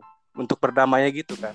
Tapi sampai sekarang belum ada kata berdamai. Berdamai itu kan salah satu pihak oh, oh saya berdamai ini berdamai tapi ini kayak cuma satu pihak doang yang berdamai yang satu pihak lagi tidak berdamai gitu jadi tidak bisa dibilang berdamai menurut saya susah kalau sekarang Setuju, setuju, setuju, setuju.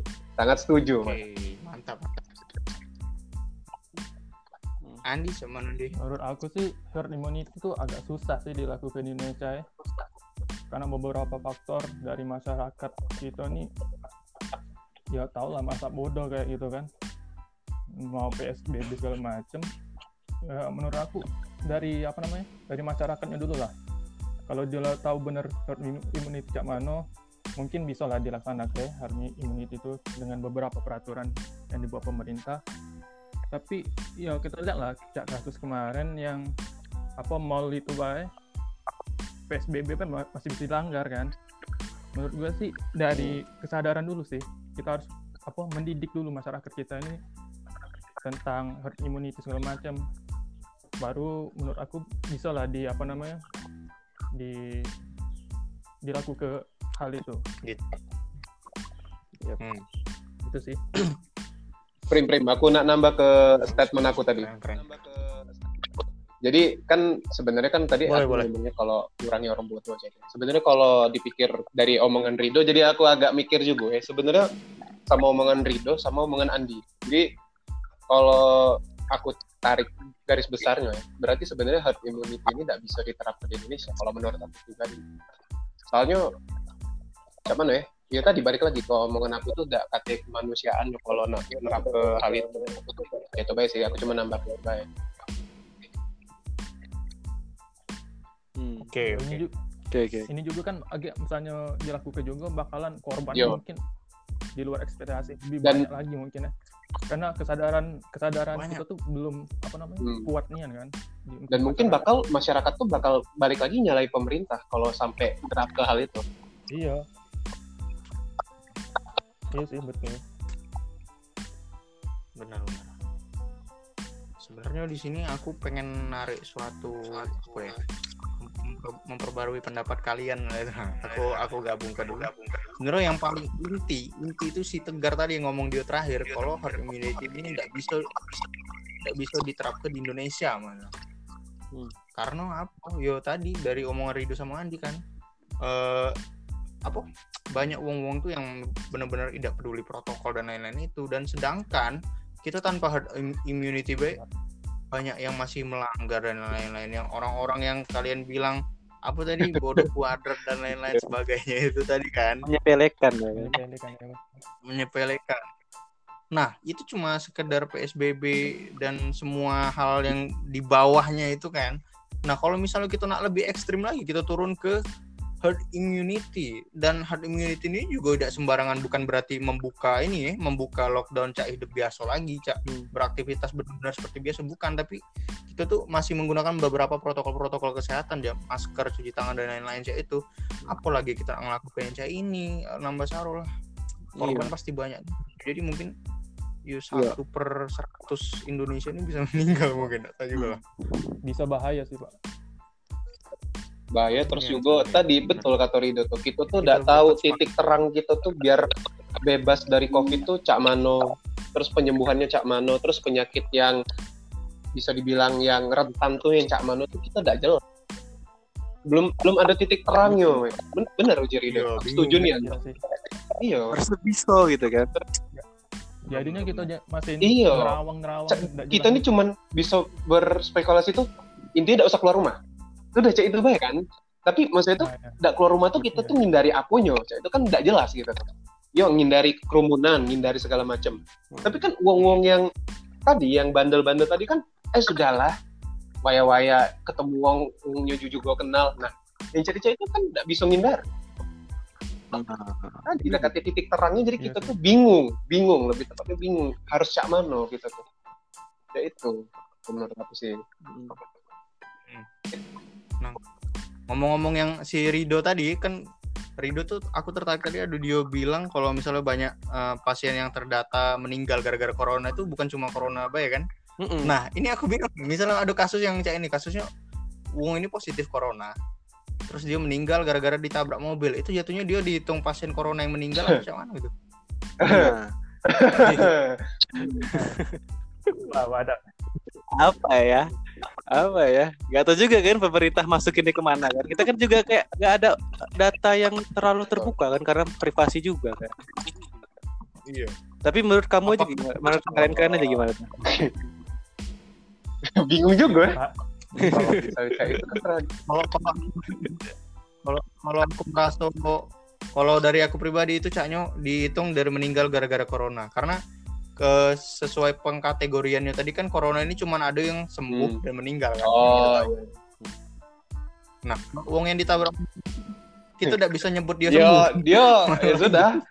Ya sudah lah ya ya ya. Dia koit oh, bos. iya. koit bos. Ya, maksud aku tadi kita kayak punya mengkelompok kan?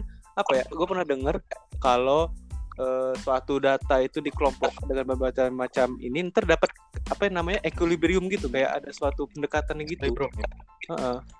Nah itu orang-orang Indonesia tuh menurut saya menurut aku tuh pinter-pinter kan. Tapi apa ya masih belum ada bersuara gitu. Gitu. Belum ada suara gitu. Ini sebenarnya berlarut-larut nih kita bahas ini jauh ini. Kan. ya soalnya agak cak mana prime masalah ini sebenarnya tuh aduh dalam nian lah sebenarnya. Maka kita tuh semakin blusuk semakin blusuk kita membahas ini nih. Ini yang paling cocok dengan berdamai dengan corona tuh ini tadi sebenarnya. Herd immunity nih Damai. damai. Ini enggak sama corona memang. Jalan pintas ya jalan pintas lah ya istilahnya jadi prinsipnya enggak pintas ini shortcut. Tapi susah pak. Nah, dibalik lagi susah. Susah memang. Nggak bisa. Orang ini aja pemerintah belum belum apa ya belum pasti pasti ba pasti pasti nian nak nganu ke apa eh, relaksasi PSBB ataupun segala macam new normal. Masih belum apa ya? Ngawang-ngawang. Yang BUMN katanya pegawai 26 Mei eh, boleh masuk di bawah 45 tahun aja. Masih belum masih belum ada kebijakan yang ketok pasti gitu kan dari presiden. Jadi kayak apa ya? Belum ada titik terang lah gitu. Kayak terombang ambing ya. Nggak jelas Mm-mm. kita tuh arahnya mau ke mana gitu kan. Betul betul bung. Oke kita Saya putuskan dulu. ke Saya ya, udah bakal bahasan selesai. Oh. Di bagian dua jam ada kita ah ini nih ini kasus yang paling baru nih ini. Aku baru dapat tadi siang nih sebenarnya dari grup denim enthusiast. Apa tuh apa ini pas sudah aku briefing juga sih sama kalian tadi. Hmm. ada akun lain yang namanya tuh hashtag bersatu lawan corona. Mungkin kalian pernah lihat siapa Iya, iya, pernah. Pernah. lihat? Nah aku make make apa sih? Kita bisa itu nah kita bisa.com untuk minta bantuan yang katanya bakal disumbang ke untuk korban dari corona. Dan korban yang dimaksud di sini tuh wong-wong yang bukan tenaga medis ya, tapi yang cak tidak bisa begawe gara-gara corona, yang caca itu nah. Yup. Dan ternyata ada thread di Twitter itu yang ngomong kalau sebenarnya itu tuh akun penipuan dan sudah terkumpul tujuh setengah juta duitnya. Itu beritanya valid, iya. Rip. Uang yang itu tidak itu sebenarnya kalau kita melihat validasinya itu dari media atau media lembaga yang uh, formal atau bukan itu tidak gar tapi tapi ini wong yang bikin threadnya itulah sudah uh, mengklarifikasi dari beberapa apa ya aku bingung juga. Dari beberapa hubung yang bisa dihubungi itu nah, dari akun scamming tadi tuh. Dia bisa dari alamat rumahnya dari emailnya dari segala macem. Dan itu tuh kata yang membuktikan kalau itu tuh benar-benar akun yang bisa eh, akun sumbangan aja itu. Dan tidak kasih transparansi juga duit itu ke mana perginya makanya aku berpikir Oke, ini oke. sebenarnya cukup valid Kita anggaplah berarti kasus ini nih kita anggap valid lah ya. Walaupun di luar itu tuh bohong atau apa benar atau tidaknya kita di luar itu tapi kita bahas baca itu kan. Oke, Hmm. dimulai dari siapa ini? Aku tahu. Aduh, Pak. basing lah kamu tim Pluk, weh. Ya sudah, aku dulu ya. Jadi Tegar, tegar, kalau tegar. menurut aku sih dari tindakan Inca ini nih, ya pastinya banyak banyak negatifnya ya. Kalau dari dari penyumbangnya, kan kalau dari tadi nggak puji Bung Prima tadi katanya kan itu pakai kita bisa ya, kita bisa.com ya. Nah, dari kita bisa.com itu kan berarti Yo. sistemnya itu kan berarti media, maksudnya bebas wong siapa bae yang bisa nyumbang kan. Nah, itu tuh dari penyumbangnya dewe, dari uang yang mengeluarkan uang itu untuk nyumbang, itu bakal ragu sama eh, uang-uang baik di luar sana yang sekiranya itu jadi apa ya, jadi eh, penyalur lah, jadi medianya untuk nyalur ke dana mereka itu untuk uang yang membutuhkan. Jadi ragu juga kan uang yang nak nyumbang tadi. Terus untuk uang yang nerimo bantuan itu merasa dirugikan juga.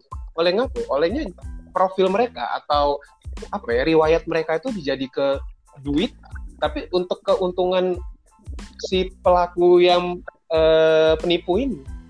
Jadi sama-sama dirugikan menurut aku. Ya itu sih menurut aku. oke Lanjut siap. Silakan Bung Rido atau Lanjut, Bung Andi. timpal Nah, menurut langsung Eh. Tapi sudah dulu dan setuju Andi, sih Andi dulu deh. sama Tegar tadi kan jadi uangnya tuh apa yang pengen donasi juga jadi hati-hati sekarang olehnya ini juga semacam penipuan kan jatuhnya dan lebih lagi apa yang lebih merat apa yang membuat kesel juga kan kita lihat akunnya tuh diverifikasi nah itu cak manu caranya kita apa membuat akun di kita bisa W kan agak susah ya butuh apa namanya prosedur segala macam. Nah itu tuh akunnya bisa diverifikasi, Cak, semacam tanda tanya lah. Kenapa dia tuh bisa diverifikasi gitu. Jadi kalau kalau bisa diverifikasi berarti ada juga mungkin mungkin ada akun-akun yang ngebuat hal sama peni- semacam penipuan juga sih. Berkedok yang sama betul. Nah. bisa dimanfaatkan hal semacam ini. Itu sih. Oh, oke. Aku aku bisa dijawab pertanyaan itu tapi kita ke Rido dulu karena ini sebenarnya daripada terputus bahasannya kan? Oke. Rido. Menurut aku tuh mungkin sama bahaya loh eh, Andi sama Tegar.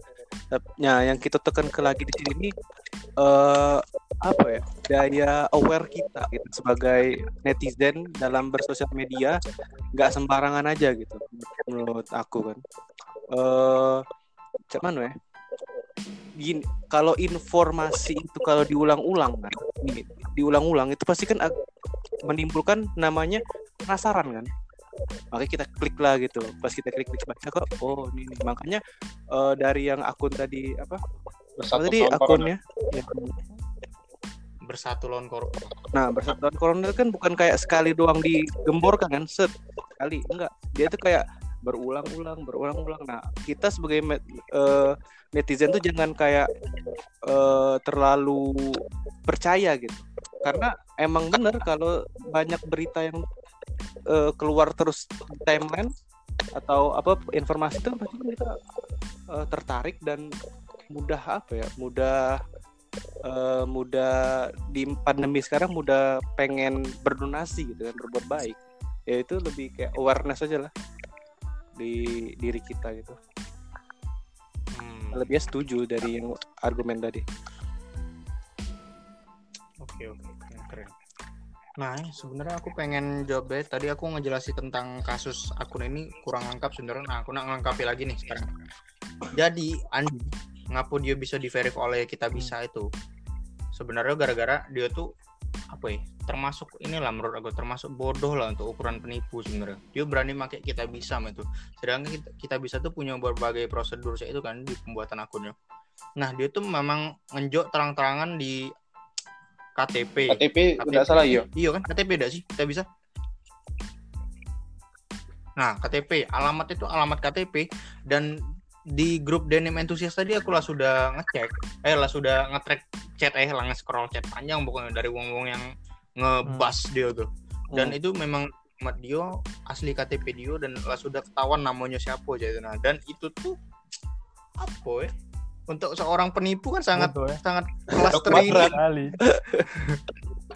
Terus salah ya salah Iya.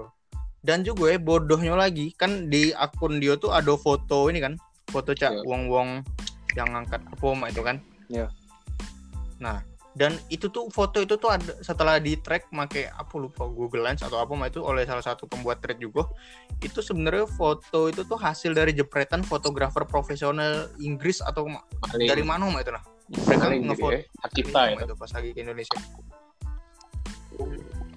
Hmm, Yo, Nah, banyak pertama itu hak cipta kan dan terus ditanyai lagi ke fotografer itu lah sudah dikonfirmasi kalau sebenarnya mereka tidak pernah dapat kabar kalau uh, ada sumbangan ini ini ini dan sebagainya itu jadi itu benar-benar lah jelas sih itu akun benar-benar palsu Oh, menjawab iya. pertanyaan tegar yang tadi valid atau tidak informasi itu menurut aku Iya, tidak iya, bisa benar, dibilang valid tapi benar Oke ya. oke oke.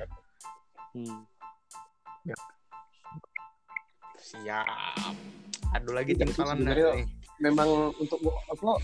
Yo penipunya itu ya kata otak banget sebenarnya lah, lah terlalu apa ya memang butuh duit jadi dia pakai apa kemanusiaan untuk memanusiakan diri dia dewe. Woi, Nah, kata-katanya bung spam komen, spam Nah. chat, spam spam galo-galo dia tuh pokoknya kan. Ih, Aduh, Bung, Bung. Mana ini sudah Part berjalan 2 sudah 43 menit, menit ya podcast kawan-kawan ya. Sepertinya bakal dilanjutkan di part 3 sepertinya. Soalnya masih banyak hal yang bisa kita bahas dari topik kita ini kan. Bagaimana Bung? Oh, mau dilanjut nggak tidak Bung ya? Jadi Bung. Keren sekali. tuh, sebagai host ter- terserah Bung. Silakan ditutup saja Bung Priman. Oke, kita akhiri dulu. Terima kasih semuanya sudah Thank datang ke you, brother-brotherku. Oke.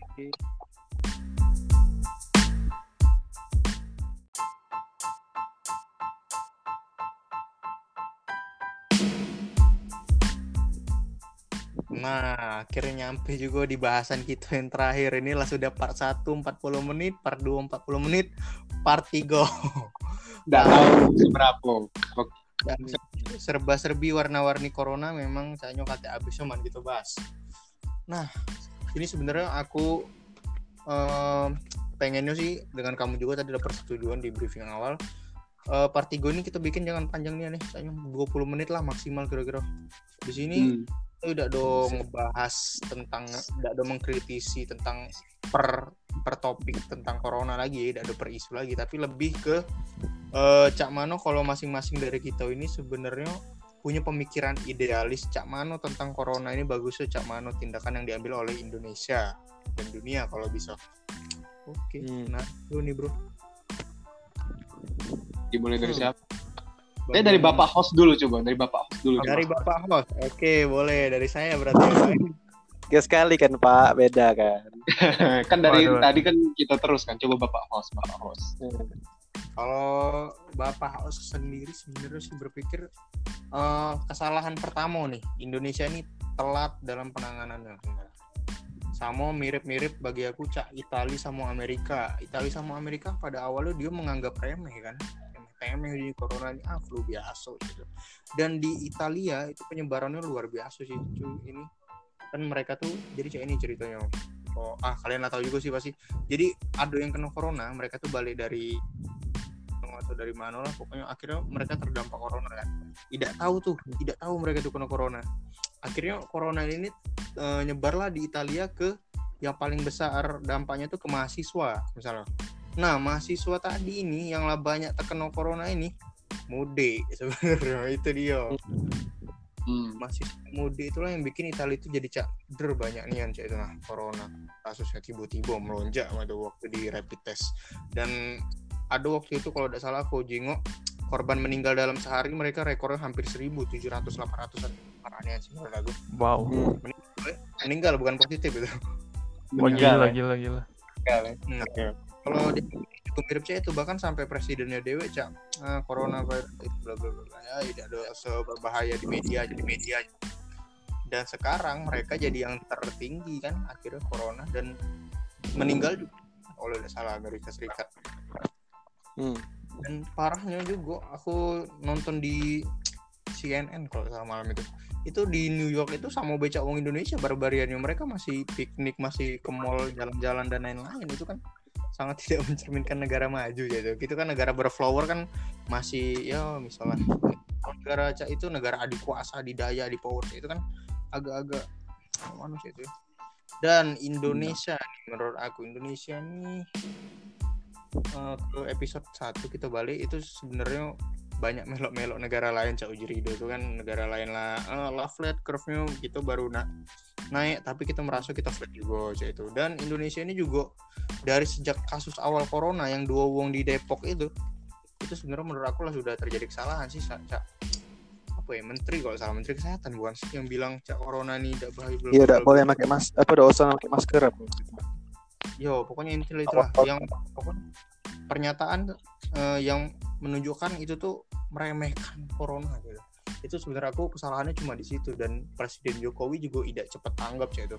Harusnya kita bela- belajar dari Wuhan. Wuhan walaupun dia eh, apa kasus pertama di dunia kan, tapi mereka terbukti dibanding ke kita sekarang mereka dua bulan tuh lah, lah bersih itu. Wuhan tuh sempat bersihin nol virus corona kan nol kasus positif cuman beberapa dua bulanan itu kita sudah berlarut-larut saya masih dia nambah lagi nambah lagi.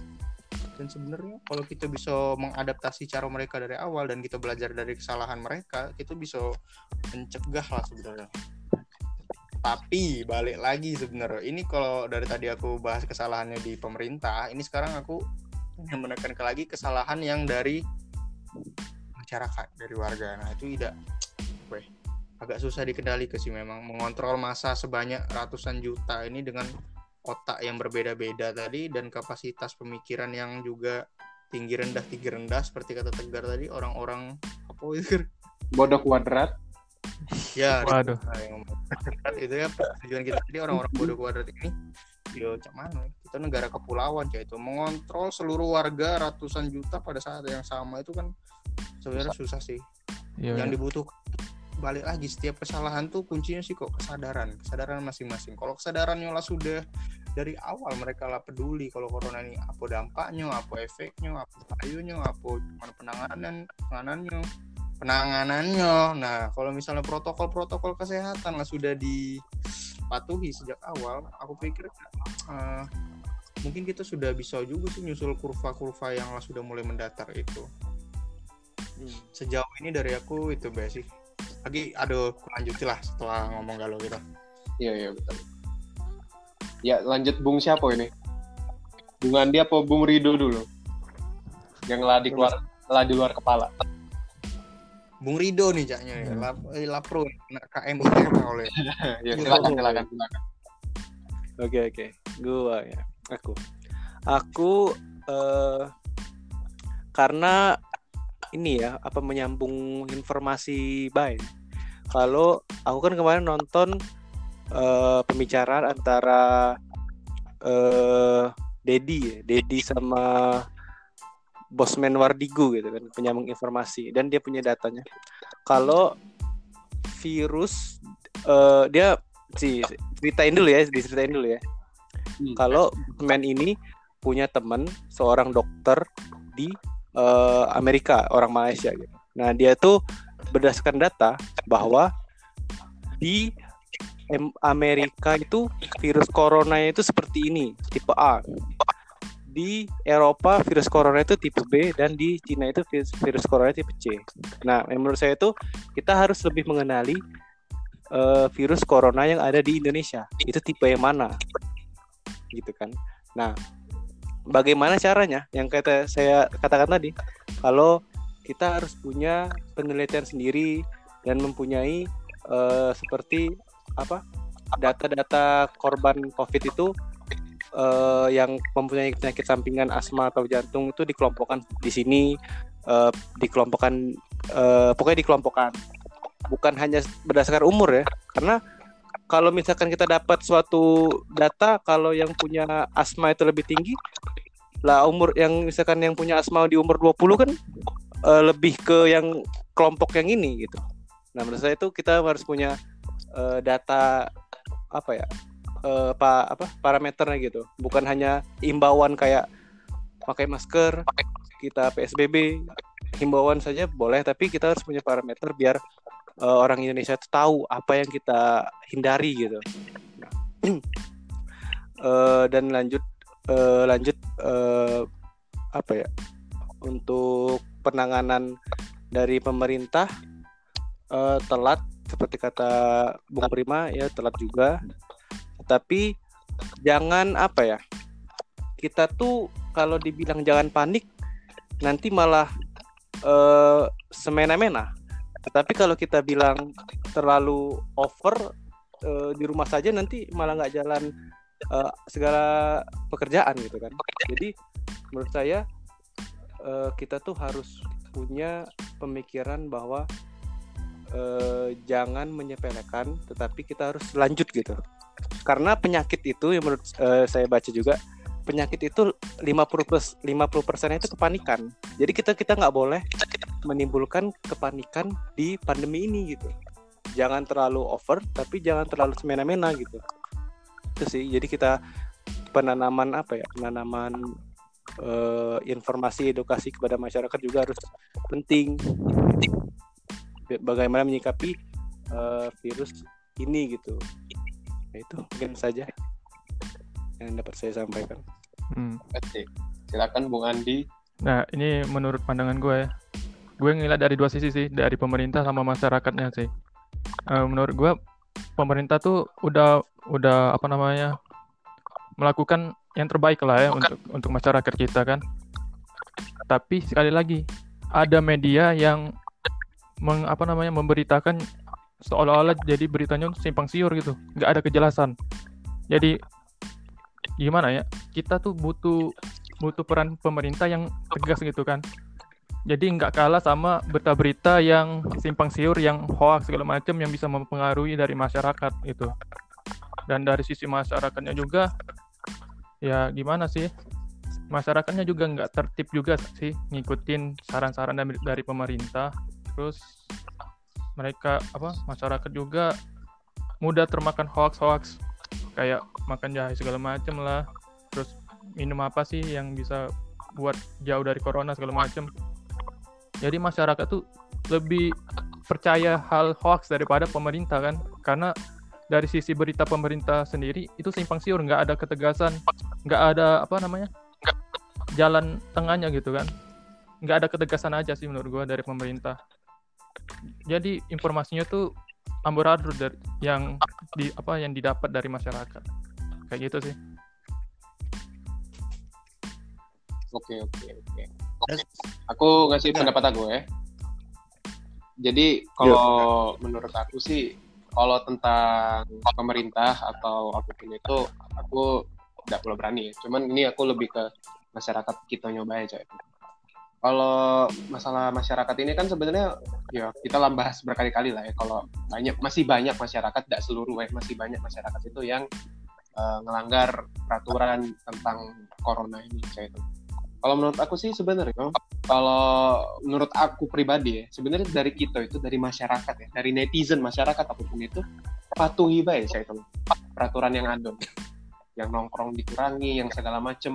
Ya kalaupun keluar ya maksud aku tuh kalau keluar itu benar-benar penting saya itu mungkin yang begawe tamu yang kedua mungkin yang keluar tuh benar-benar nak beli sembako nak beli sesuatu yang penting Cak. Benar-benar keluar tuh cuman ke suatu tempat sudah Cak, kan. Terus kalau misalnya ngomongi ya terus kalau yang ngomong misalnya ekonominya kurang mampu cak mana solusinya? Kalau menurut aku ya itu memang harus ada koordinasi sama pemerintah sama instansi yang pokoknya yang berhubungan sama hal itulah ya. Jadi kalau misalnya ya aku udah kate ini udah kate misalnya eh, apa ya misalnya media atau kenalan yang ke arah sana biar aku bisa nyampai ke aspirasi aku. Nah di sini berarti tugas pemerintah yang harus bisa mengayomi masyarakatnya. Biar masyarakat juga bisa apa ya bisa ngadu tentang keresahan mereka tentang corona ini apa dampaknya segala macam itu ngomong sama pemerintah. Nah pemerintah juga itu sebenarnya bisa juga sih eh, ngasih solusi yang mungkin nggak bisa langsung terbaik ya. Cuman maksudnya itu ngasih solusi lah setidaknya itu menger- mengurangi beban masyarakat ini. Jadi kalau intinya menurut aku tuh masyarakat tuh sudahlah patuhi baik pem- eh, apa sih perintah-perintah yang ada.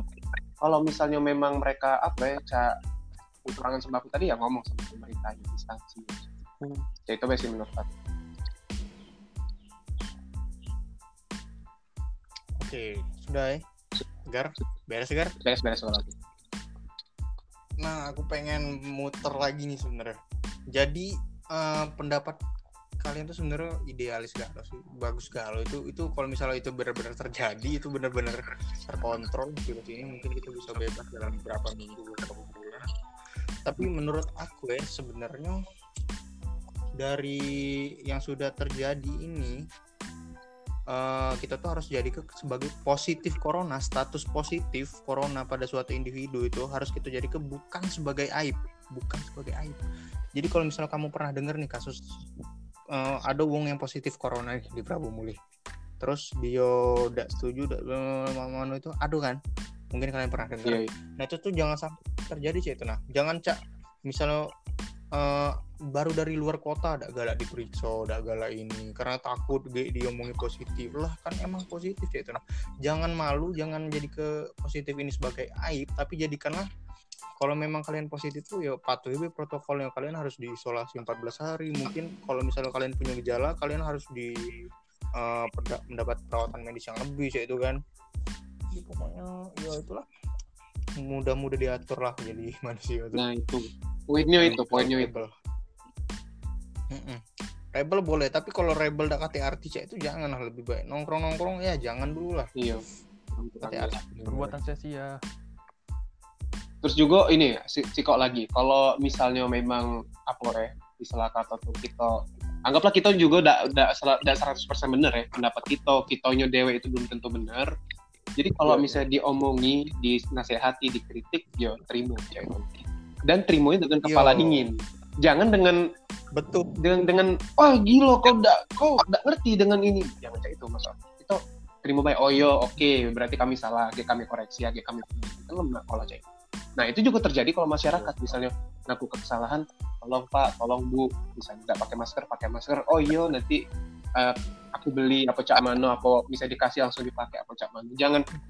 Aku udah perlu segala macam. Jangan cak itu. Menurut aku sih cak itu betul, betul. jangan jangan anti kritik lah Nah, kalau misalnya salah, salah perbaiki ya itu. Kalau salah tuh ya diperbaiki bukan berarti kalian oh tidak aku ini Ah. nama membela diri mati-matian. Cak itu cak itu. Menurut aku sih. Ayo para na- narasumber nih masih ada sisa waktu sekitar tiga menit lagi lah nih kira-kira. Ada yang ditambahkan silakan silakan. Aduh eh ah, eh, mungkin re- respon ya emang harus dari masyarakat ya respon masyarakat itu eh, berbagai macam. Nah kenapa timbul yang tadi kata tegar ada yang menerima ada yang tidak menerima? Karena kurangnya informasi tadi gitu. Kurangnya edukasi yang sampai ke masyarakat. Eh, peran peran media itu kan sebenarnya menyampaikan apa yang eh, sedang terjadi gitu kan. Nah, tapi menurut saya media sekarang itu melebih-lebihkan apa yang terjadi di em, di apa ya di pandemi ini gitu. Jadi membuat masyarakat responnya bermacam-macam. Ada yang terlalu over hoax dan mereka sepele dan ada yang terlalu over dalam menangkap berita itu. Nah, jadi kayak oh ayolah media seharusnya bekerja sama dengan pemerintah eh, memberitakan yang benar saja gitu yang kata Andi tadi kan. Jangan terlalu over sehingga respon dari masyarakat itu juga eh, benar gitu. Nggak nggak beda-beda gitu. Jadi mudah diatur juga kata Tegar tadi. Gitu mulai. Ya betul sih, ya misalnya apa namanya? Kalau misalnya eh, berita yang disiarkan itu simpang siur, menurut aku malah masyarakatnya nambah berani gitu kan. Nggak ada apa namanya? Malah masyarakat tuh wah ini bohong nih berita nih bla bla bla. Ternyata Covid ini tidak separah itu. Ngebuat masyarakat malah berani kan keluar. Menurut aku itu sih. Malah berani mau keluar gara-gara ya beritanya simpang siur, gak ada kejelasan. Hmm, benar-benar.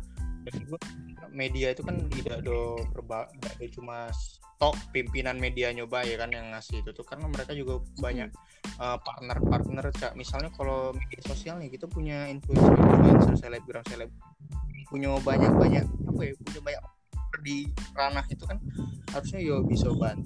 Bukan yo tunjuk ke yang salah tapi yo contoh ya produktif di rumah ngapui kayak contoh gitu kasih solusi ke masyarakat. Kalau misalnya di rumah tuh udah do se boring itu apa Hmm. Intinya kita juga produktif kan di rumah. Asik. Salah satunya ini, ngobrol-ngobrol Pak. kayak ini kan Salah satunya Iya, ini, kan? Pak. ini kan walaupun yuk kita udah do nyari target pendengar cuman kita kan setidaknya diskusi dan ya seru banget sih itu cak keren banget kan positif gitu. itunya poin lah pokoknya pengen capai wes tenaga medis dan tenaga kebersihan dan siapa pun yang masih bertugas di luar sana you're the real MV real MV Iya. Sangat eh, apresiasi yang sebesar-besarnya. Yo, Betul, betul. ini sudah mendekati mendekati akhir-akhir podcast ini guys gimana guys Kiri. gimana bos Apakah di podcast selanjutnya kita bakal membahas yang lain? Oh, sepertinya bukan ya corona yang bahasan ini. Mungkin ada narasumber lain juga Ya, nanti. kita bakal ya, tambah atau mungkin ya tidak tahu. Kita lihat saja nanti ke depannya bagaimana ya, saudara-saudara. Yoi, Pokoknya Ridho sama Andi asik. Lu asik men, lu asik. Ya, terima kasih Keren, untuk para narasumber yang sudah memberikan aspirasinya secara berani. Asik. Terima kasih juga eh, co-host dan host eh, telah apa ya mengajak kan mengajak kita misalnya aku sama Andi ini sebagai narasumber walaupun kami juga dasarnya juga bukan ini tapi kan eh, kita ini sebagai kaum kaum free thinker boleh eh, boleh berpendapat Betul sekali, saudara-saudara ya. Ya. Boleh dipercayakan di sini ya. Kalau diundang lagi datang lagi Pak ya. oh, Harus siap bersedia, Pak ya, harus bersedia. iya men corona lah kelar kita ada ke yang pertemuannya Iya, kan in frame, in Gitu. frame. Oh, yo, In frame. in video Video, video, kali. video. Nah, Boleh, boleh. Baiklah, Bapak host Lagi, utama lagi. mungkin ada yang mau ditutup atau bagaimana? Silakan. Karena ini sesuai janji tadi ya 20 menitan kan podcastnya, podcastnya salah podcastnya. Kayaknya kita akhiri dulu kawan-kawan sampai di sini. Mau kasih buat co-host aku, buat narasumber-narasumber juga yang keren-keren. Makasih banyak ke kalian. Kasih. Juga kita bisa ketemu lagi di podcast selanjutnya dengan pemikiran yang lebih kritis lagi. Oke, terima kasih. Ya, terima Bye. kasih semuanya. Ya ya ya.